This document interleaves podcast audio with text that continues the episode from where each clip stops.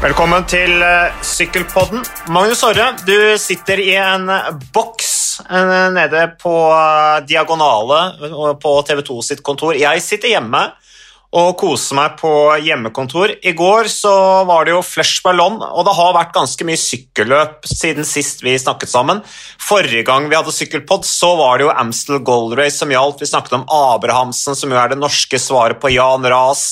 Uh, og Amster Race ble jo uh, et flott sykkelløp, syns jeg. Jeg regner med du satt og så på? Ja, ja, ja.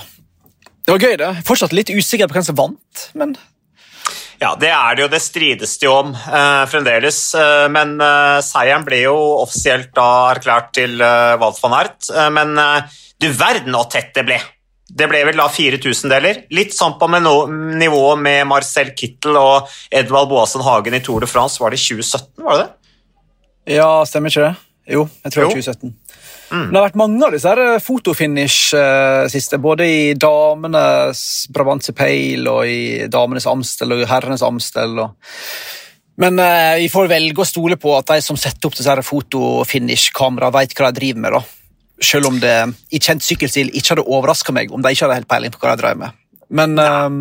Nei, jeg tror det, du har rett i det, at det helt sikkert kunne vært kvalitetssikra enda bedre. Og Tom Pidcock jo, var jo ute med en tweet der hvor han sa liksom at akkurat den avgjørelsen der bør jo være 100% nøyaktig. Så han sådde jo tvil om egentlig eh, teknologien og systemet som, som eksisterer. Jeg skjønner jo jeg vet søren, jeg. Jeg, jeg, jeg, satt jo med magefølelsen at det var van Art som var først over. Nå betyr jo selvfølgelig ikke magefølelse noe som helst målt mot er det 1500 bilder i sekundet disse kameraene skal ta.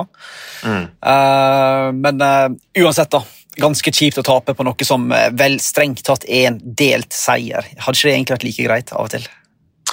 Jo, det var jo delt seier i U23-VM et år med han Hugo Hoel. Hvem var det han vant han vant ikke, men han fikk delt bronseplass. Jeg husker ikke med hvem det var. Var ikke det, var ikke det i Australia? Da Michael eh, Matthews vant? Jo, stemmer det. Det var i Australia. Uh, som jo begynner å bli noen år siden. Det var jo da Altså, det var samme året som Tor Hushovd vant VM, det, da. Ja, jeg tror det. Mm. Ja. Men det var, ikke, det var, ikke, Hugo Oll, det var vel han der um, Var ikke han Guillaume Boivin? Jo, Boivin var det selvfølgelig. Nå som, delt, som delte bronsen med Var det Taylor Finney? Nå er jeg litt på tynn is her. men jeg tror det var Nei, de to som det er helt riktig. Det er helt riktig. Det var Tyler Finney og Boivin som delte bronsemedaljen. Mm.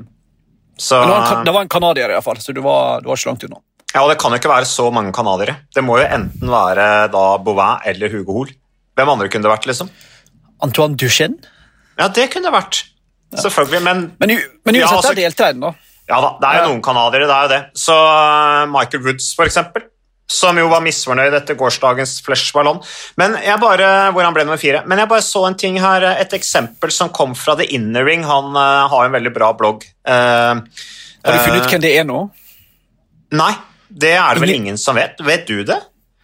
Nei, men jeg har hørt folk i, i sykkeljournalistmiljøet snakke om liksom ut på kvelden sånn Jeg veit egentlig hvem det er, eh, okay. men jeg kan ikke si det. Eh, folk som Oi. er sånn viktige, da. men eh, mm. nei, jeg veit ikke. Så vi åpner for innspill på hvem det egentlig er. altså.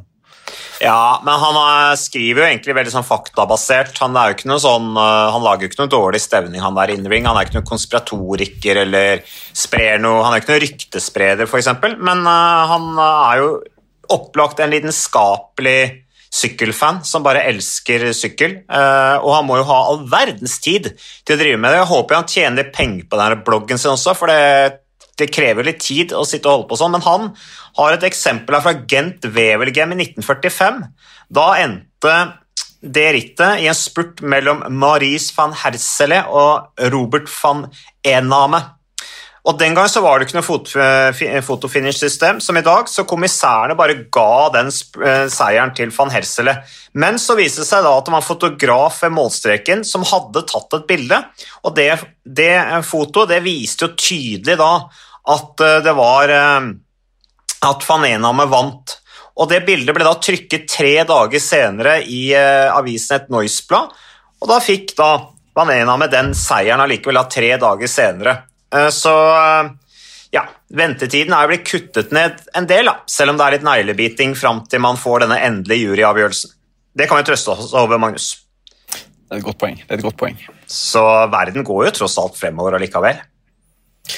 Det gjør jo det, selv om enkelte ting aldri forandrer seg. Da. Sånn som at Amstel Gold Race er et identisk sykkelritt hvert eneste år. På godt og vondt. Mm. Ja, det er det. Det er som jeg så en sammenlignet med, at det er litt sånn på en måte Milano Sanremo uten at du har Rivieraen i bakgrunnen. Er du litt enig i det, eller?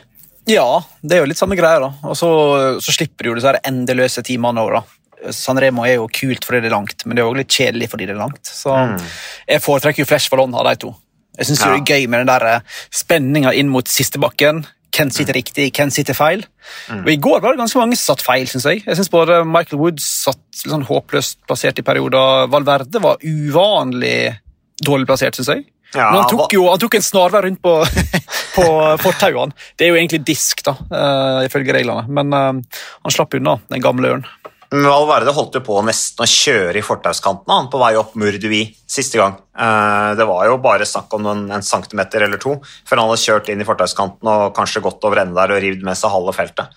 Ja, og så er vel, For å være litt seriøs, er det vel forskjellen på om det er disk eller ikke, handler vel om han blir pressa ut på fortauet, eller om du bruker fortauet bevisst for å ta det forbi folk. da. Eh, jeg syns det så mistenkelig ut som han, han, brukte det for å avansere i feltet. da. Men eh, Jeg har ikke studert eh, bilder der, så jeg skal ikke være for tabloid. Men der var det ikke snakk om noe disk.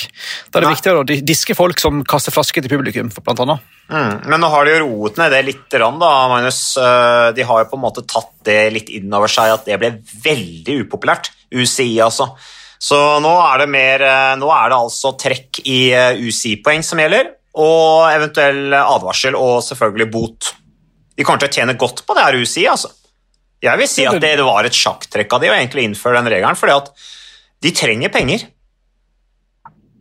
Det er de. og når du så den der situasjonen med uh, Johannessen hadde vel på UnoX, som ga en flaske til en person som ba om en flaske og som var en del av arrangørstaben. var ikke det sånn, noe sånt? Eh, og så blir du diska, og så er det liksom Forholdet mellom eh, forseelse og straff er så, så langt fra hverandre som det er mulig å komme. da. Eh, så det er bra UCI for en gangs skyld eh, lytter til folket og faktisk eh, er litt ydmyke på at her bomma vi kanskje litt. Litt sånn som enkelte fotballklubber kunne lært av i de siste dagene. her. Superleague, drømmen til sykkelsporten, det. Å bli superleague. Sånn som de skisserer i fotball. Det er drømmen til Jonathan Walters. ikke sant? Jo, men det er jo det eneste riktige. Ta liksom Eie sporten selv. Det er jo etter modellen fra amerikansk idrett, det. det. Skal det bli litt fart på sakene, så må man se til USA. Men det er jo ikke bare Jonathan Walters som tenker i baner, det er jo noen flere òg, er det ikke det? Jeg klarer aldri å skjønne om du er sarkastisk eller seriøs. Nei, jeg vet ikke selv engang. Nei, ok. Så, det, så jeg skjønner at du har problemer med det. Men, ja, men nei, sykkel, sykkel, er jo litt sånn, det er jo nesten en slags superligavariant. For du har jo i, i, sykkel er vi jo så heldige at der kan du kjøpe deg til en lisens på mm. uh, det, det, virkelig store bordet. Der, uh, hvis du har penger, og hvis du består en sånn uh, finan, finansiell og etisk sjekk hos UCI, så mm. er du med i Champions League. for å si det sånn. Mm. Så vi er ikke så veldig langt unna sykkelsporten. Allerede den superliga-greia. da. Nei, det er sant, det. Det er riktig, det. Så, um, men uh, hva skal jeg si at Jo, du var inne på Johannessen. Um, de der brødrene der, uh, Tobias og Anders, de, de, er jo De kan klatre, de gutta. Det er litt gøy å se. Først uh, Anders i uh, i Tyrkia rundt opp denne her, Hva het denne stigningen? Samme av det. De var i hvert fall femte etappe. 2000 meters høyde, var det vel. Eh, han dro okay, jo som Mali, var det? Ja, ja men den bak, altså selve fjellet heter vel noe annet, noe sånn gøgø, et eller annet tyrkisk. Eh, men, eh, men Johannessen dro i hvert fall så bare det. Kjørte på en måte litt sånn oppspill til Charming. Charming gikk til og sprakk som en ballong i den tynne lufta der. Eh, sier at det var litt sånn eh, på erfaring. Og at han hadde litt lite erfaring med den type luft eh, i et sykkelritt. Men så kom jo Anders eh, Johannessen da passerende forbi og sikret seg en veldig bra plassering. De gutta der er gode oppover. Og så fulgte da Tobias opp i, i Tour de Alps på andre etappe. og liksom, Det var liksom du måtte gni deg litt i øya, for han sitter der sammen med Quintana og, og disse her gode klatrerne. Uh, morsomt å se at det gror på glattesida. Ja, litt, Ja, det er veldig gøy. Og så er det litt sånn uh, Jeg skal ikke sitte her og si at nei, der så jeg komme, og der har jeg visst hele tida. Jeg var overraska over at jeg tar nivået så fort. da. Det er jo liksom um, første proffrittet. Uh, I alle fall for, ja, for begge to, kanskje. De har jo knapt sykla landeveisritt. Uh, ja, sant? Så at du klarer å klatre så bra i det selskapet så fort, det um, var oppsiktsvekkende. Så det er gøy. Vi har jo uh, ofte, av og til i hvert fall, enkelte av oss vært litt redd for at det er litt sånn um, spurttungt, det Uno X-laget. Eller klassiker, flate klassiker fokuset da, blir litt stort. Men uh, nå er det jo den ene klatreren etter den andre her, da. Så um, det gror jo meget, meget bra. Ja, og de gutta der, eh, de er de vi har nevnt nå, Sjarmig og Johannessen-brødre, de er jo egentlig ikke på Uno X-laget engang. De er jo på Dare Development, altså eller utviklingslaget til UnoX. Så det ser veldig lovende ut sånn sett. De har en bra modell der. Og Dumt de måtte da trekke seg på før etappe tre, var vel det, da, pga. positive tester på mm. Torjuslen, var det vel. Men um, ja, ja, sånn Stakkars Torjuslen. Hæ? Men han var jo åpen om dette her og skrev det på Twitter. Hva meg, sa han. det var meg som hadde denne positive testen, som egentlig ikke var en positiv test. Eh, så det er jo ja, det er, det er, synd, men vi lever i en tid som eh, man bare kan klø seg i hodet over, eh, og som Ja, man må være på, på sikre sida. Hele UAE i flush med land i går òg. Den hjalp ikke mye, den der vaksina de har fått fra Kina, tydeligvis. Nei, men Det er jo helt absurd. for at, uh, Nå fikk vel ikke Ulissi den vaksina, faktisk. Han var vel på sånn hjerteoperasjon uh, på den tida. Men mm. uansett, da, at, der var det vel et tilfelle av var det tre negative tester i bakkant på UAE. Og likevel så har du én positiv test, og det kan du ikke delta, selv om du beviselig da, så godt som beviselig ikke har viruset. Mm. Det er mm. rart. Og når Torjus Sleen skrev vel at han hadde um, var det to sånne eh, antigen, sånne her rapid tests, som var positive. Mm. Og så en PCR-test som er negativ. Og så skal du likevel ikke sykle. Det, ja, det, Nei, det er kjipt. Ja, altså, det er sånn vepsebol skulle mene noe om. Så det er litt mm. sånn her um, vi... Så du vil ikke mene noe om det, liksom? Nei, jeg tror ikke jeg. Har du lyst?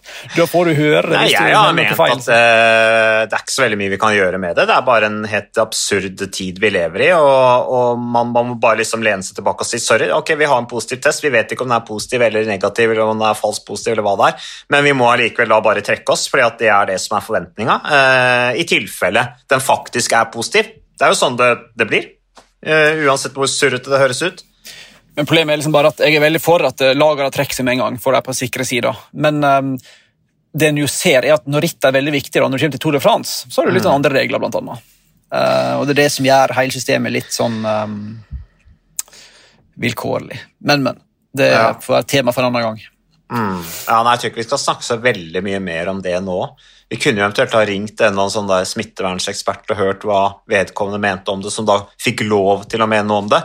Men uh, apropos, uh, det ble ikke noe da verken Hirsi, Hirsi, fjorårets vinner av Flesh Ballon, eller Pogasjar, som jeg i hvert fall har satt høyt opp på lista av potensielle vinnere av gårsdagens Flesh Ballon, i det rittet. Men hva da med Liège-Bastan Liège, Magnus? Vet du hva som skjer med UAE til da? Uh, nei, men alt tyder på at jeg får starte der. Jeg vil ikke tro det er noe stor um, uh, Det er ikke noe obligatorisk karantene Eller er det det?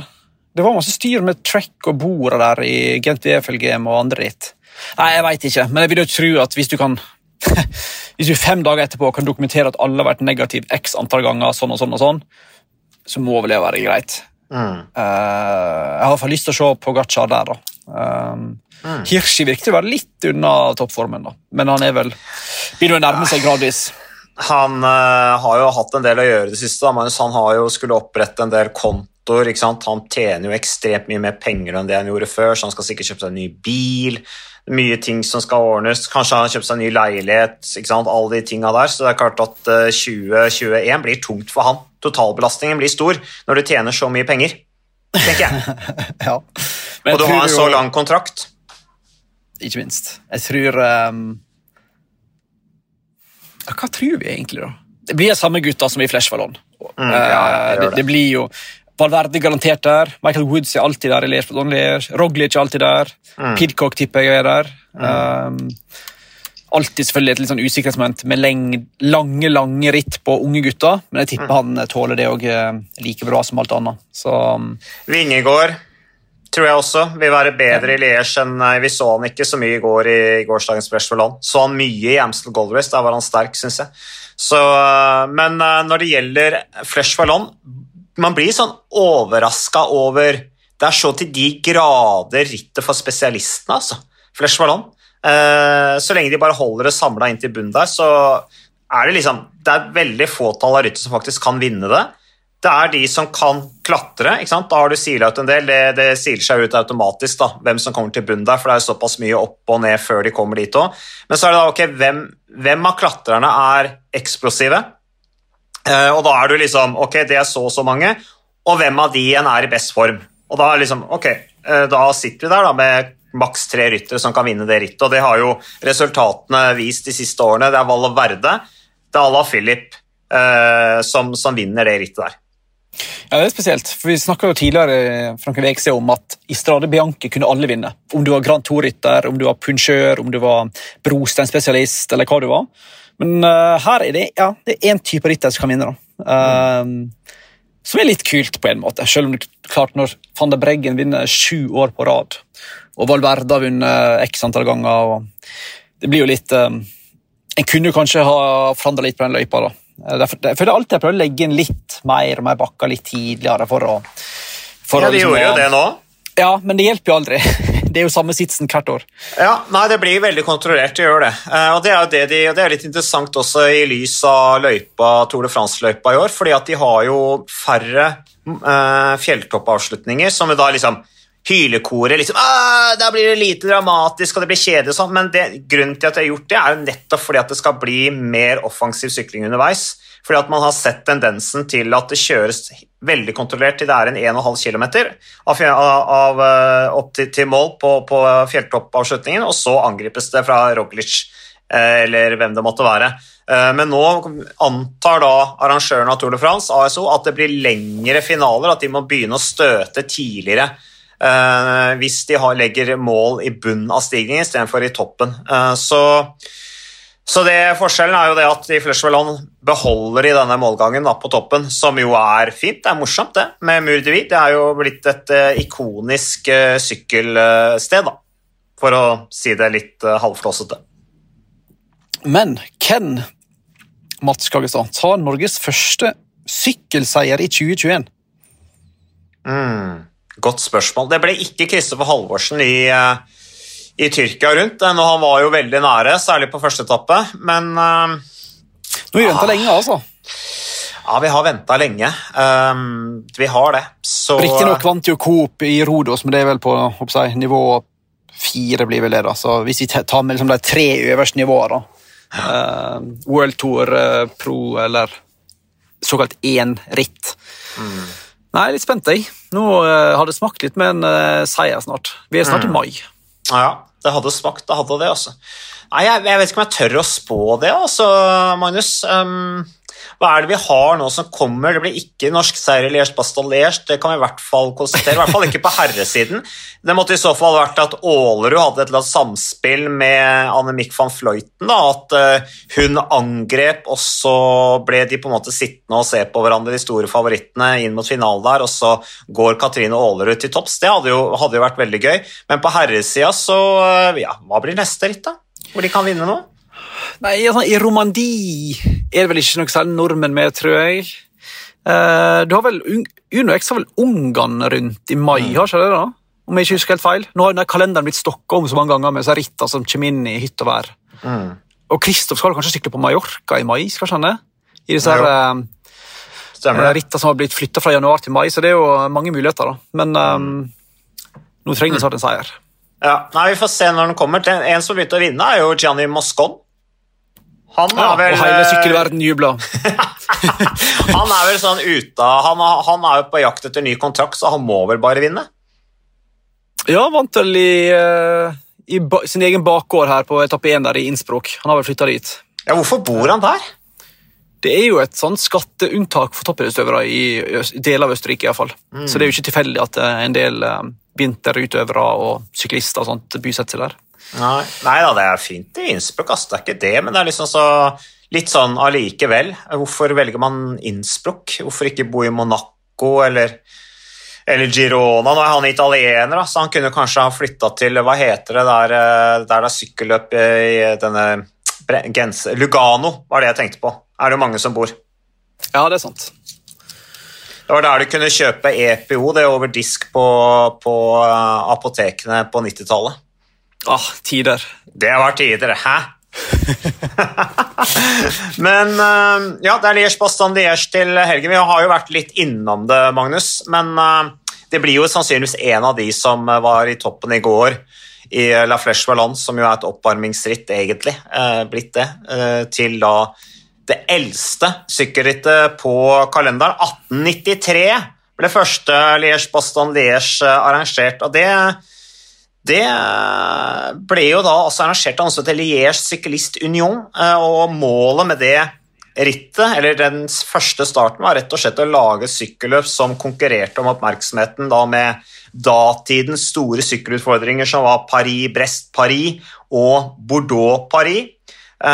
Og Planen til disse arrangørene var jo egentlig da å arrangere et ritt som gikk fra Liège til Paris tur-retur, og bare for å teste ut deres egne evner på arrangørsiden og interessen for et belgisk storritt, så ble det da en prøveutgave som da var i underkant sånn rundt en tredjedel av denne drømmedistansen til Paris. Den ble testet ut da fra Liège til Baston og tilbake.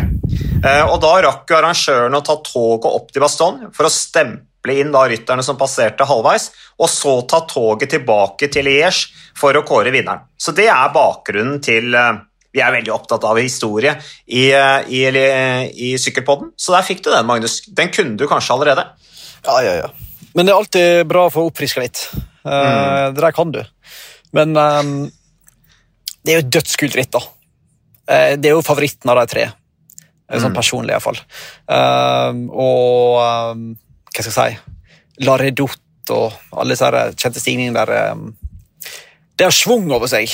Mm. Undervurdert, undervurdert monument. Det er et uh, Iallfall i Norge. Ja, vi har jo ikke snakka så mye. Det er jo uh, det er, Hvem er det som har best plasseringa der av de norske? Det er vel Dag Erik Pedersen med en tredjeplass, er det ikke det? Det kan godt stemme, sikkert. Jostein Wilman har jo en andreplass fra Flesh Wallon. Dagotto Lauritzen er blitt syv der. Jeg vet at uh, Atle Kolsvold og Dagotto også hevdet seg topp ti, tror jeg, i Liège Bastanege. Finner ut det til søndag. Men, uh, men, det er kanskje på tide nå Jeg tror at det kommer en generasjon med norske sykkelryttere som kan være med der og kjempe om å forbedre de der tidligere resultatene. altså fra de Arden-klassikerne. Vi snakker litt om Johannessen-gutta. Eh, men du har jo flere, flere også som, som, kan klatre i Norge. Men noen år fram i tid så får vi håpe at vi har noen flere nordmenn som kan være med og bite fra seg der. Annet kanskje en, en Carl Fredrik Hagen som jo nå er skada, som jo dessverre da ikke får vært med eh, på, på, disse rittene. Man kunne kanskje ha hevdet seg. Jeg tror um, David Gaudu Tror du han vil? Eller, eller Maximilian Schackmann. Mm. En shack attack på slutten der. Ja, uh, det er veldig gode tips, det, altså. Uh, helt enig. Så um, Valverde blir 41 på søndag, så han vil vel gjerne gi seg selv en bursdagsgave der. Han har vunnet mm. fire ganger før, er det det? Ja. ja. Det har han. Så han trenger den femte seieren, uh, helt klart. For det er liksom litt mer sånn rundt tall. Men men eh, ja, David Gaudu er eh, en bra mann, helt klart. Eh, sjakkmann hvis UAE får stille med, med Pogasjar, spennende. Um, Valverde selvfølgelig, ikke minst Filip. Ala Filip som jeg ble litt overraska over oppe Murdivi. Altså, han fløy jo opp der. Jeg trodde ikke han skulle være så sterk. Han liksom virka litt sånn Ikke helt i den formen han har vært tidligere, syns jeg. Men nå tror jeg vi har klart å avsløre bløffen hans. Nå har han sagt så mange ganger før viktig sykkelritt at nei, nå har ikke jeg formen, og dette her kan ikke gå. Og så vinner han likevel. Så fra nå av tror jeg vi må være litt mer obs på at uh, han driver en del sånne mind games. Mm. Jeg sto her i går og tenkte han har jo ikke sjans, han har så dårlig form, sa han sjøl. Uh, eh, men uh, han er en luring. Ja, vi må ikke tro på han når han snakker. Vi må ikke tro på han, vi må ikke det. Han er en luring. Uh, han er en rå rytter altså, når han kom over streken der med denne fingeren sin for å bare vise at 'jeg kan prestere ennå, jeg', vet du. Det ligna litt sånn på Finn Gnatt. Har han den fra Finn Gnatt, tror du? Stemmer det. Så det er vår egen Finn Gnatt han, eh, de, der, der, det har de til felles. altså. Julian Philip og Finn Gnatt. De er begge ute med pekefingeren når de gjør det bra. Når de er i dytten. Når de er i flytsonen. Da er det fram med pekefingeren. leverer. Han er mye mer stabil enn Alaphilippe, men Alaphilippe han leverer jo igjen og igjen og igjen, han også. Og dama ja, var jo kjempefornøyd i går. Mario Rousseau, som jobber for fransk TV, sto der oppe som ekspert og pratet om, om Alaphilippe. Jeg fikk ikke hørt alt hun sa, men hun var selvfølgelig strålende fornøyd over bragden til uh, Har de gifta seg, forresten? De er vel ikke gift? Jeg tror ikke det. Hvordan går det med Tony Gallopin? da? Han ser litt sånn deppa ut. Han er helt forsvunnet. Tenk, tenk, å være Tony Gallopin, eh, Magnus. Altså, så til de grader se din overmann stikke av med alt. ikke sant? Tony Galopin, som var jo et av de virkelig store franske håpene, kunne klatre og var en god klassikerrytter. Uh, og i tillegg kjæreste med Mario Rousseau, som jo uh, hele, hele Frankrikes Mario Rousseau, alle elsker henne, hun er jo så flott og flink og alt. Og så kommer han der lille yplingen Julian Alaphilippe og blir bare så til de grader Frankrikes sykkelyndling. Altså, Galopin har ikke sjans, og så i tillegg så stikker han av med dama hans og gjør henne gravid. Hæ? Snakk om vinner. Jeg mener, Og hvor er Galopin nå? Vi har ikke sett noe til Han har, gått, han har sunket helt under jorda, han. Dette er blitt for tøft for han. Uff. Uff a meg. Føler litt med han. Fin, ja. Eh, fin lugn type, han eh, Galopin. Mm. Litt ja. kontrast til eh, den litt mer hyperaktive à la Philippe. Ja, Nei, så vi får heie litt på Galapæ fremover, eh, Magnus. Eh, vi håper han trenger en opptur. Han trenger en opptur, altså. Han gjør det. Han gjør det definitivt. Definitivt. Så, men jeg har ikke sett han på noen startlister. Eh, skal vi se han, Jeg ser han ikke på noen startliste til Jo da, her er han. Tony Galapæ er på startlista til Ardesr til, til Liège Baston Liège. Blitt 32 år gammel nå, Galapin. Eh, han kjører jo også Tour de Alps, han, faktisk. Så eh, da får han jo en bra oppkjøring til, til Liège-Bastogne-Liège. Brøt jo Catalonia rundt på tredje etappen. Uh, ellers så har han en ganske beskjeden, beskjeden, sesong. Han trenger vel kanskje et resultat, han også. Han er også i kontraktsforhandlinger. Han har ikke kontrakt med RSR før, eller utover 2021. Hm. Vi får sette penger på han. Vi får gjøre det. vi får gjøre det. Men jeg har ikke så veldig trua på at han kommer til å vinne nei, nei, nei. nei Liège. Selv om han var vel litt sånn type som kanskje tidligere ble trukket fram som en mulig sånn outsider, var han ikke det? Jo, jo, absolutt. Han kunne ja. jo oppnådd ganske mye mer enn han har gjort uh, Gallop, Gallop her, egentlig. Ja. Men sånn er det. Sånn er men, det. Men, så... Hva slags nordmenn har vi på start i Liège, da? Mm, vi har jo La Laingen, da, som er han, altså Laingen er jo overalt. Altså Han kjører jo alle ritt. Brosteinsklassikere og Ardennes-klassikere og etapperittene. Han må jo ha 200 ritt i året. Han, han er potet. alt, da. Ja, ja da. Sendt overalt. Stiller alltid opp. Ja-person. Leknesund skal vel sykle for Team DSM.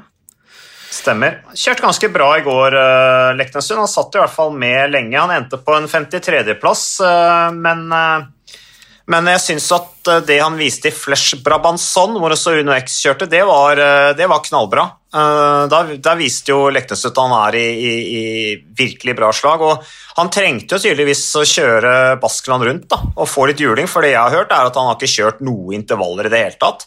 Um, og det er jo litt, eh, Da trenger man jo ritt. Det er jo sånn old school. det. I gamle dager gadd man ikke å kjøre intervaller, da kjørte man ritt som trening. Uh, så det er jo tydeligvis den strategien som DSM kjører. De kjører rittene som trening, og så kommer gutta i form. Eller, og jentene også, for det er jo sånn at de kjører vel akkurat samme opplegget hele gjengen, gjør de ikke det, i DSM?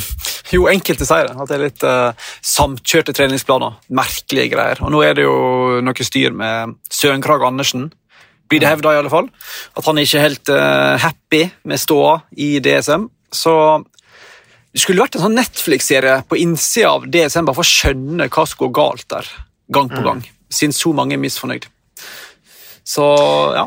Det kunne vært litt artig å lage en Netflix-serie hvor du hadde på en måte DSM og Movistar, og så hadde du kanskje et av disse mer harmoniske lagene som en sånn kontrast, bare for å EF. se liksom Ja, eller Quickstep, da. Det kunne Quickstep. Jeg vil jo tro at der er stemninga sånn generelt ganske god. Uh, bare sånn for å se liksom forskjellen, hvordan stemninga var i de lagene rundt bordet, rundt sånn generelt i bussen etter rittene. Jeg tror det kunne blitt ganske artig og litt sånn interessant også sett sånn fra sånn organisasjonsutviklingsperspektiv. da.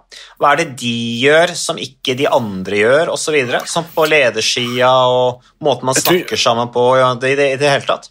Jeg tror ikke ordet organisasjonsutviklingsperspektiv skal være med liksom, i, i tittelen på Netflix-serien, om du skal se på det. Men eh, Ledelse og kulturbygging med Ja. Team DSM. Tror du ikke det ville blitt en hit? Jo, jo, det er klart det. det, er klart det. Ja, nei, men øh, ja, hvem var favoritten din til uh, Liège Baston Liège på damesiden? da? eh, På damesida så um, går det kanskje for eh, Elisa Longo Borghini, hvis hun eh, begynner å skjønne sykkeltaktikk snart. Mm. Eller så blir det vel kanskje um, Hvis jeg kan ta to Kanskje Demi Follering omsider eh, får en stor seier. Hun, Elisa Lisa Longo Borghini, det er hun som på en måte setter seg selv i vinnerposisjon, og så bare brem, tre, altså, trykker hun på bremsene før start, er det ikke sånn? Nei, før mål, mener jeg. Ja, og det er jo ikke første gang heller. Det er ikke alltid jeg skjønner helt hva hun driver med, men sterk er hun iallfall. Hun har en veldig god spurt, så hun burde jo egentlig utnytte den, kanskje den situasjonen hun havner i ved at hun kan vinne spurten, da, tenker jeg. Litt sånn rart. Har hun så god spurt? spurt? Er ikke hun ganske god i spurten, da? Nei, hun er ikke så god. Hun holdt jo på å velte van Fløyten i VM i Imola i fjor, gjorde hun ikke det? Fordi hun jo, ikke er så god i spurten. Så... Men gøy å se på samspillet mellom Ålerud og van Fløyten, da. Sterk. Ålerud. Ja, God Ålerud er resultat. Fin, fin rekke med plasseringer i ja, denne klassikerne i år òg. Så Mm. det ser lovende ut. Jeg tror at hun blir sterkere av å sykle med van Fløyten. Det tror jeg, altså. Jeg tror Ja, at hun får økt selvtillit av det. Jeg tror hun på en måte eh, blir eh, inspirert av å være på lag med en så god rytter som van Fløyten. Ja, og så er det vel noe i klisjeen òg om at det å, å trene og sykle med de beste faktisk gjør deg sjøl bedre. Vil jeg tro. Du Mm. Må, det må være vanvittig masse å lære av Annemik van Fløyten Mm. på trening. Så Veldig godt sagt, eh, Marius. Jeg tenker Takk, vi gir oss der jeg, før det blir sånn pinlig lang podkast igjen. Det er jo tross alt litt av hvert vi skal gjøre til, eh, til helgens eh, store La Doyenne, altså sesongens eldste sykkelløp. Det er bare å følge med. Da satser vi på en sånn ny, nytt ritt med snøvær. Det er jo tre utgaver som har foregått i, i veldig kaldt vær, regn og snø 1919, 1953. Og uh, særlig da var det 1981 eller var det 84 med Bernhard Hinault. Nå husker jeg ikke helt i huet hvilke år det var, men eh, jo, det var 1980-utgaven som, eh, som jo var en uh, legendarisk utgave med Bernhard Hinault som, uh, som uh, vant, og har jo senvirkninger etter det rittet ennå, fordi han frøs sånn. Så har fortsatt ikke følelse i mange av fingrene sine. er ikke sånn? det stemmer. det stemmer. På tross av at han er en følsom mann ellers. Så vi lar det være siste ord, og så takker jeg for at du bidro, Magnus. Det hadde vært umulig å lage denne sykkelpodden uten deg. Ja, takk det samme. Det er jo tungt å snakke med seg sjøl. Ja. Hvis ikke du er schizofren, da. Det er et godt poeng. Du får invitere en schizofren person neste gang. Takk for at du lyttet på Sykkelpodden. Vi er tilbake f.eks. neste uke. Ha det bra.